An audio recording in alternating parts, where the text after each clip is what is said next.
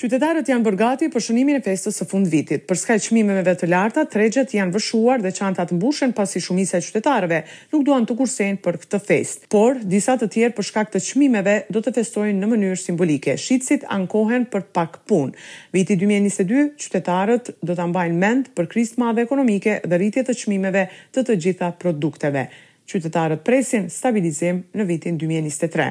Pas shumë viteve, qyteti i Shkupit nuk do të jetë organizator i pritjes së ndrrimit të motmoteve në shesh. Këtë vit vetë artistët të ndihmuar nga një kompani private kanë vendosur që t'i zbavisin qytetarët dhe pavarësisht që nuk ka organizim institucional, emra të njohur të muzikës nuk do të mungojnë. Programi do të fillojë në orën tetë e tridhjetë, por ajo që Vihet re është mungesa e këngëtarëve shqiptarë. Viteve të kaluara kishte një deri në dy këngëtarë shqiptarë në mesin e këngëtarëve të njohur nga pala maqedonase.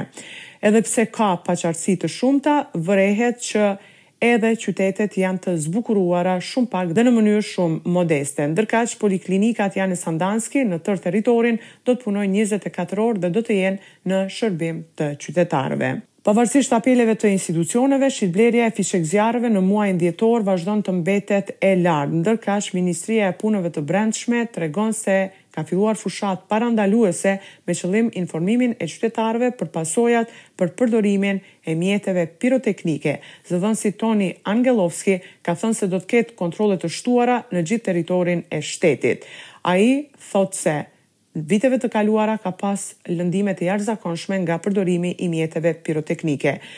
Ndryshe në Tetovë janë konfiskuar pesëqind e gjashtëdhjetë copë mjete piroteknike nga një shitës i moshës pesëdhjetë vjeçar. Nuk ka munguar edhe urimi i Vitit të Ri nga Kryeministri i Republikës së Maqedonisë së Veriut Dimitar Kovaçevski, i cili u është drejtuar qytetarëve dhe u thotë, Mund të them me siguri se viti i ardhshëm do të jetë më i mirë. Paga dhe pensione do të vazhdojnë të rriten, projektet madhore të rëndësishme për shtetin kanë përfunduar dhe ne po ecim përpara me investime të reja që do të nënkuptojnë një jetë më të mirë për të gjithë. Ne nuk e lëmë askënd të vetun, ka përfunduar urimi i tij. Ndërkohë, kryeministri Kovaçevski ka bërë të ditur se, nuk ka përfunduar skriningu, pas shtatëmbëdhjetë vitesh ka filluar tani, prandaj nuk mund të ketë edhe zgjedhje të ardhshme parlamentare në vitin dy mijë e njëzet e tre, ashtu qysh pretendon opozita. Zgjedhjet do të mbahen në vitin dy mijë e njëzet e katër. Debat i ashpër është zhvilluar në Kuvend në seancën e fundit në mes të deputetëve pozitë dhe opozitë, ndjekim deklaratat e tyre. Da se intenziviraat vednash posle. Menjëherë pas javës së ardhshme të gjitha komunikimet dhe aktivitetet duhet të intensifikohen. Se tona ko e shto vë. Mendoj se këtë vit do të ketë gjashtëdhjetë e një deputetë që do të lëshojnë këtë Kuvend. Do të shkojmë në zgjedhje të parakohshme. Kjo qeveri është jofunksionale, dhe nuk i zgjedh problemet e qytetarëve, andaj sa më shpejt të shkojmë në zgjedhje. Izborite qe bidat vo dve iljadi dvaeset i çetvrta godina.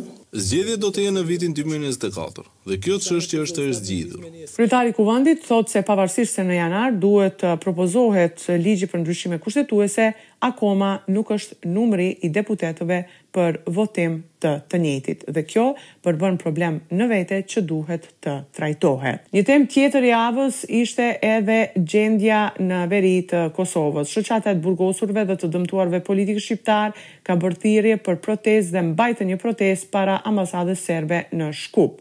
Protesta është organizuar kundër vringëllimit me armë dhe grumbullimit të armëve të rënda në kufirin verior të Kosovës. Për më tepër ndjekim deklaratën e kryetarit të Shoqatës së të burgosurve dhe të dëmtuarve politikë para ambasadës serbe në Shkup. Diktatorët janë në gjendje të nisin edhe luftëra vetëm për të qëndruar në pushtet dhe për të mos u dënuar. Janë mijëra, mijëra shembuj të tillë që i njeh historia. A nuk jemi vallë dëshmitarë të një lufte të përgjakshme të neokolonializmit në Ukrainë, ku Rusia dëshiron ta grabisë atdheun e ukrainasve? A nuk i përdori vallë mentori i Vuçiqit Putin, klerin të cilët e bekojnë çdo mjet ushtarak që niset në luftë, bashkë me rusët ukrainas si mish për top në luftën që është duke u zhvillur atje. Edhe kjo, kopja e shëmtuar ballkanike e Putinit, është duke shkuar hapave të tij. Edhe ky, sërbët e Kosovës i përdor si vegla për të qëndruar në pushtet, në një kohë kur opozita sërbe është më e zëshme dhe më e fortë nga dita në ditë. Zhurmë u krijua edhe me daljen e grupit të zjarrit nga Bashkimi Demokratik për Integrim të cilët para mediave është hera e dytë që dalin pas konstituimit të organeve në Bashkimin Demokratik për Integrim dhe artikulimit të kërkesave të tyre por edhe plotësimit të disa prej kërkesave. Si duket Avazi i tyre nuk ka të ndalur dhe pakënaqësitë e tyre tashmë i kanë shprehur edhe një herë në publik. Izet Mexhiti, në dalje para mediave bashkë me veteranë të BDI-së, nga grupi i të pakënaqurve, thotë se situata brenda partisë është alarmante. Anketat e fundit, sipas tij, thonë se BDI shënon ulje dhe këto rezultate janë peshë e zëvendëskryeministrit Artan Grubi dhe ministrave të tjerë të partisë së tij. Ai thotë se ka performancë tepër të dobët edhe të ministrit Bujar Osmani. Sipas Izet Mexhitit është hera e parë që BDI-së ia kalojnë me rejting partitë opozitare. Për dështimet e projekteve të qeveritare dëshmon edhe anketa e fundit e organizatës ndërkombëtare IRI, pra nëse ne jemi subjektiv, në fund është IRI amerikan i cili dha rezultatet para i prezentoi para mediave dhe para partive politike ku Artan Grubi dhe Bujar Osmani kanë performancën më të dobët dhe për herë të parë rejtingu i opozitës shqiptare tejkalon rejtingun e Bashkimit Demokratik për Integrim dhe ne këtë e shohim si një alarm për sensibilizim dhe për mobilizim brenda Bashkimit Demokratik për Integrim. Sipas Izet Mexhitit, vendimmarrja është bërë privilegj ekskluziv i një klani të ngushtë të Artan Grubit, Dhe për këtë kanë ngritur zërin duke kundërshtuar qëndrimet e shumicës së anëtarëve të BDI-së. Kjo ka sjellë deri tek krahmja e përkrahësve të votuesve dhe ka prodhuar përçarje brenda strukturave partiake, për Radion SBS raporton nga Republika e Maqedonisë së Veriut Besiana Mehmedi.